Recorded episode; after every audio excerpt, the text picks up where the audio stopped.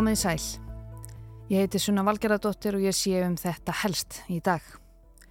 Fyrir rúmlega þremur vikum aðfara nótt sunnudagsins 13. november voru fjórir háskólanemar myrtir á hrottafengin hátt í húsi í háskólabænum Moská í Ædahó í Bandaríkjónum. Öll hafðu verið stungin margsinnis með nýf líklega á meðan þau voru sofandi í rúmunum sínum. Söm voru með varnarsár, önnur ekki. Tveir sambílingar þeirra í sama húsi sváfu árásirnar af sér. Láreglan hefur engan í haldi og engin er grunaður um morðina minnstakosti ekki ofinberlega. Það hljómar svo litið eins og sönn sakamálasaga þessi morðgáta í Moská, Ædahó. Og sannar sakamálasögur eiga til að slá í gegn. Í því samhengi þá eru framin um 25.000 morð á ári hverju í bandaríkunum um 70 á dag að meðaltali. En það eru Ædahó háskólamorðin sem hafa verið til umfjöllunar í öllum blöðum, veðmiðlum og fréttatímum Vestanhafs undanfarnar þrjár vikur. Og þegar það kom í ljós að lögreglan var í vandræðum, hún virtist ekki vita hverða var sem myrti með köldu blóði, ungu vinkonurnar þrjár og kærasta einnar þeirra, þá tók internetið við.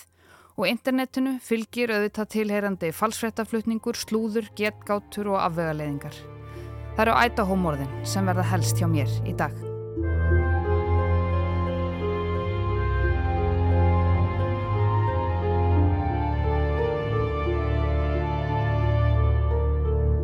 Moská í Idaho er lítill og friðsamur háskólabær á ríkismörkum Idaho og Washington þar sem búa alla jafna um 25.000 manns.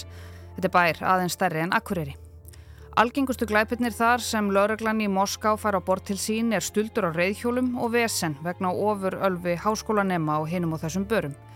Síðast hafi verið framið morði bænum 2015 þegar maður á þrítugsaldri skaut þrjá til bana meðal annars móður sína. En það var skotarós og maðurinn náðist strax. Og slíkt er því miður eiginlega daglegt brauð í bandaríkjunum og vakti þar af leiðandi ekki mjög mikla aðtegli. Jafnvel þó það hafi gerst í friðsömmum háskólabæn í Ædahóm. En það var svo rétt um hádegi spilið sunnudaginn 13. november síðastliðin sem símtal barst til neyðarlínunar úr húsi utan háskólasvæðisins í Moská. Einn húsráðanda tilkynnti þar um meðvitundarlausa mannesku sem virtist ekki geta vaknað. En það var ekki fyrir en lauruglan mætti á staðin sem hryllingurinn kom í ljós. Þau Madison Mogan, 21 ás, Kaylee Goncalves, líka 21 ás, Sana Kernodl, 20 ára og kærasti hennar og jafnaldri, Ethan Chapin, hafðu öll verið stungin til bana og lágu í blóðu sínu á víð og dreif um húsið. Konurnar þrjár þær byggur saman og kærastinn var í heimsókn. En þau voru fimm sem deildu leigunni í þessu þryggja hæða sex Svefnerbergja húsi staðsett rétt utan við háskólasvæði sjálft. Og tvö lifðu nefnilega árásina af þau sváfuðu þetta allt saman af sér í herbergjum sínum á neðstuhæðinni og þau er ekki grunuð um neitt misjamt. Þó að það hafi vissulega vakið upp spurningar hvernig í óskopunum það sé hægt að sofa í gegnum fjórfaldastungu árás líklega með tilherandi öskrum. En þetta er bara ein af mjög mörgum spurningum sem enn hefur ekki tekist að svara nokkrum vikum síðar. Það eina sem hefur verið gefið út er eins konar tímalína þar að segja hvað fjórmenningarnir höfðu verið að gera kvöldið áður laugadagskvöldið 12. november. Þetta er lauruglustjórin í Moská. On the evening of November 12th and into the early morning hours of November 13th, Kaylee and Madison arrived home at approximately 1:45 a.m. after visiting a local bar and a street food vendor. Ethan and Xana were also out in the community at Sigma Chi and they arrived home at approximately 1:45 a.m. Þau höfðu verið úti að skemta sér um kvöldið. Sistra lags vinkonirnar Madison og Kaylee höfðu verið á bar og svo fengið sér að borða. Kærustu parið Sanna og Íðan höfðu farið á íþróttarleik og svo í parti hjá bræðralæginu hans Íðan. Öll komuðu heima á svipuðum tíma rétt fyrir klukkan tvö um nóttina. Þetta sást á öryggismyndavilum nágrannana. Síðan leið nóttin og það var ekki fyrir en rétt fyrir hádegi daginn eftir eins og áður segir sem sambilingur þeirra ringdi fyrst í vinn sem kom svo og svo var ringdi í neðalínuna. 911, what's your emergency? En samkvæmt í símtali virtist viðkomandi ekki hafa átta sig almennilega á hvað hafði gerst. Svo kom lauruglan. En svo gerðist ekkert. Eftir því sem dagarni liðu urðu fjölskyldur fórnarlampana órálegri sem og samnefnendur þeirra. Mörg fóru heim til sín enda þakkargjörðarháttiðin hann að næstu helgi. Þetta gerði málið enn erfiðara fyrir laurugluna. Þau sem fór ekki heim gættu þess að vera aldrei eina á ferð, kaffihúsum í bænum var lokað fyrir myrkur svo starfsfólk lendi ekki hættu við að koma sér heim. Sumir kennarar vildu setja á fjarnám út önnina. Og svo er það glæpavettvangurinn sjálfur, stóra húsið við Kings Road. Glæpavettvangurinn er flókinn og bjóð til mjög erfiða vinnu fyrir teknideldina. En húsið þetta var eins konar félagsmiðstöð, margir höfðu komið á farið svo DNA lífsíni voru eftir því. Og eins og gefur að skilja voru fjórmenningarnir allir mjög virkir á samfélagsmiðlum. Þetta var ungt, kvítt, fallegt, millistjættar fólk sem deildi lífið sínu með fylgjendum sínum eins og flestir gera. En það hefur líka vakið upp spurningar og vangaveltur um eldirhella og sömu leiðist þá staðreind að konurnar deildu reglulega myndböndum innan úr húsinu sem gerði það verkum að auðvelt er að sjá hvernig það er uppbyggt að innan, sem gerði það líka auðvelt er að rata þar um án þess að hafa nokkuð tíman komið þar inn fysiskt. Lauruglan hefur gefið það út að grunuleiki á að Karlmaður hafi framið morðin það þurfi töluverðan líkamlegan styrk til þess að stinga fjórar manneskjur til bana og að morðin hafi verið skipulögð sem sé ekki tilviljana kent stundarbrjálaði. Kendrick Wills, ríkislaurugustjóri í Idaho, hefur gefið það út að skilabóð lauruglunar til almenning séu einföld. Lauruglan viti að fólk vilji svör og það vilji lauruglan líka sem er leiðis og meðan morðingin gengur laus er lauruglan með aukinn viðbúnaðasvæðinu, öryggisástafanir hafa verið eldar og fá aðeins íbúar á heimavistum aðgang að svæðinu. En ég ætla nú að fara lauslega yfir staðrendir málsins eða eins og þau orðaða í bandaríkjónum, það sem við vitum núna.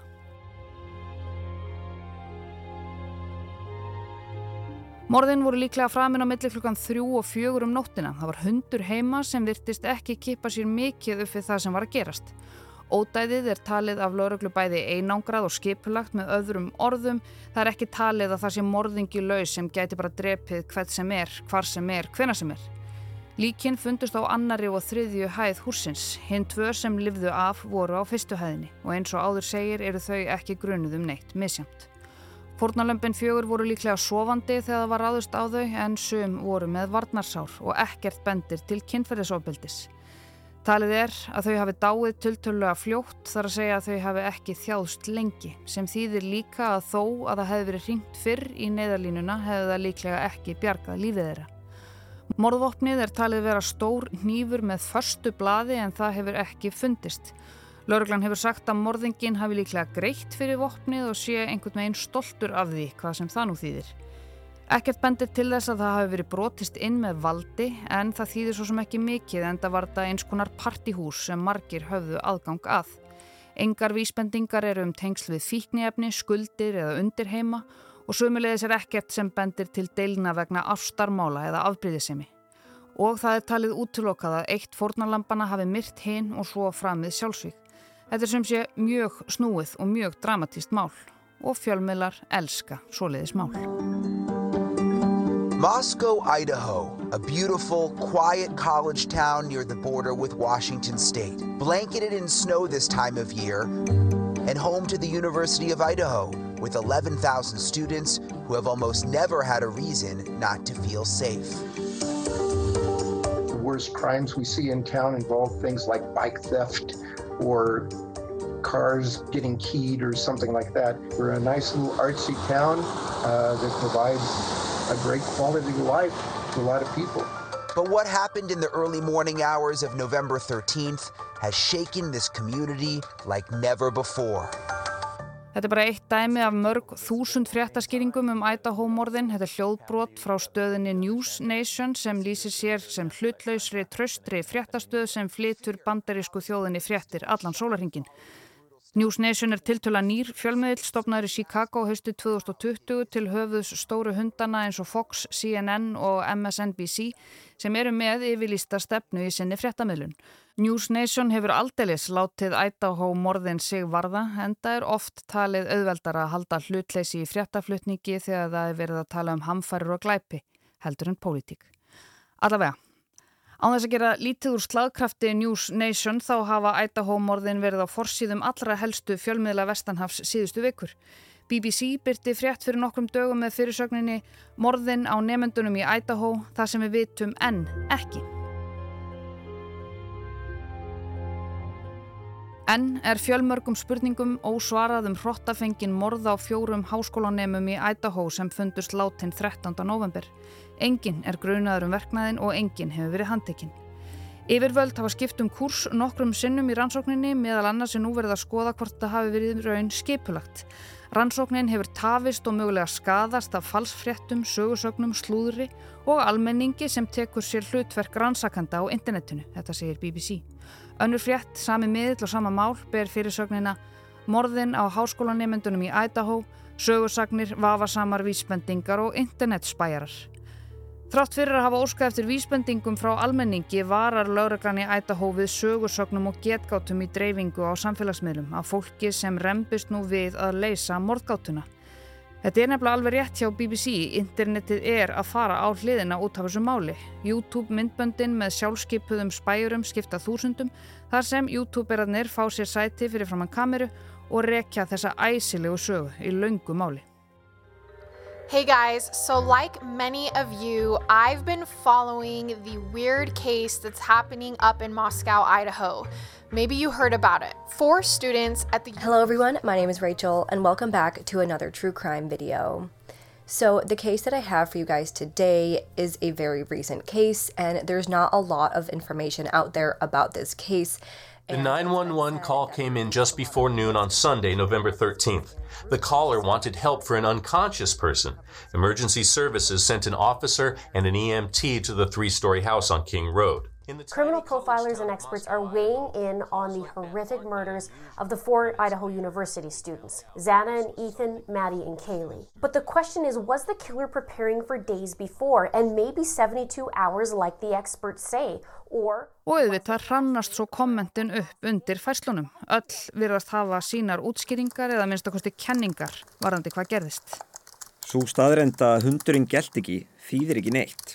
Þetta var partíhús, fullt af fólki sem var að koma og fara allan sólaringin, svo hundurinn var líklega vanur ókunnugum. Svo vissi morðingin líklega að þau ættu vingjallegan hund og hann geti að teki með hundamatt til að halda honum rólegum. Ég sá viðtal, man ekki á hvaða stöð, við Gaur sem var í háskólanum 1980 eitthvað og hafði þó leikt herbergi með öðrum nefnanda í sama húsi en þá voru bara tvö svefnherbergi í húsinu. En það er hægt að skoða öll herbergin í húsinu á fastegna síðan á netinu og svo leiðis. Veit ekki hvort þetta hjálpar. Ég hef hort á miljón vídeo um þetta mál en ég áttaði mig aldrei á því að morðingin var nógu rólegur til að fara um húsið meðan sex manns voru inn í því. Hver gerir svo leiðis? Þekktan þau? Þekkt hann hefðun þeirra inn í húsinu. Vissi hann að hann myndi ekki nást. Vissi hann að þau gæti ekki barist á móti. Var hann líka með bissu? Ég meina, ég þóri var alltaf að lappa um mitt eigið hús í myrkri. Af hverju var hann svona rólegur? Þetta var 100% planað út í eistu æsar. Þetta er háskólanemi sem vissi hvar öryggismyndavelunar voru og að baklið húsins var illa upplýst. Svo þurfti hann að vera í nógu góðum skóm til að klifra upp veggin í svona miklu frosti. Mér liði líka eins og þetta hljóta hafi verið planað. Jáfnvel þó að þau hafi lendi í útistöðum við eitthvað fyrir um kvöldi þá því það ekki að sá endi með því að drepa fjórar manneskur. Morðingin var pott þétt búin að ákveða að gera þetta og planaði morðin vel.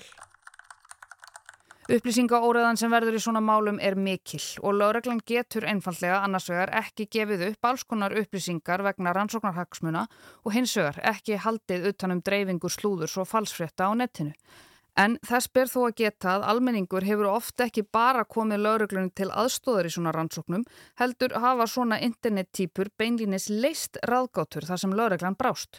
Eitt svo leiðist dæmi var það heimildarþáttaröðinni Don't Fuck With Cats sem sló rækilega í gegn á Netflix 2019.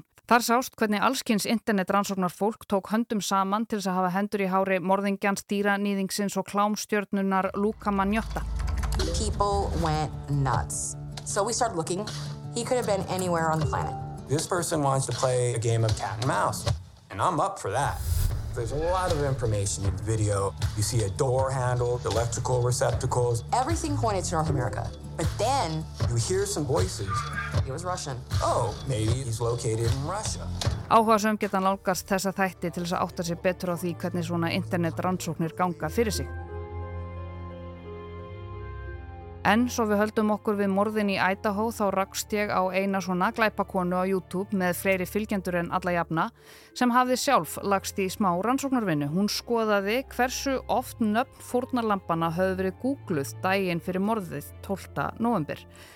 Þar segir hún að hafi komið í ljós að nöfn Matti Móken og sönu Kernódal höfðu verið googluð 100 sinnum og 62 sinnum. Hinn nöfn fórnalampana voru ekki googluð og þessar leitarniðurstöður voru fengnar frá Idaho. Þetta var sem sé googlað frá Idaho. Það er greinilega hægt að skoða margt í bakenda Google ef maður hefur þekkingu til. The 13th in the early morning hours is when they were killed. Now I did a search and if you see just between the 9th and 13th you'll see that Xana was actually Googled quite a bit on November 12th, which is the night of the murder. And also you'll see... En ég ætla að passa mig á að detta ekki ofan í þessa internetkanninuhólu sjálf og draga ykkur hlustendur með mér svo ég ætla að láta þetta duga af internetfólkinu sem vil leysa morðgátuna í Idaho og reyna að halda mig við staðrindir málsins. En það er þó ekki hlaupið að því vegna þess að mörkin á milli staðreinda, grunnsemda, getgáta og svo bara falsfrétta eru óljós sérstaklega í þessu máli. Dæmi um falsfréttir eða upplýsingaóriðu í þessu tiltekna máli eru til dæmis að fórnarlömpin höfðu verið fjötruð, að morðingin hafi farið í sturtu, skiptum fött í húsinu og alls konar. Ekkert af því var satt eða minnstakosti hefur lauruglan sagt það.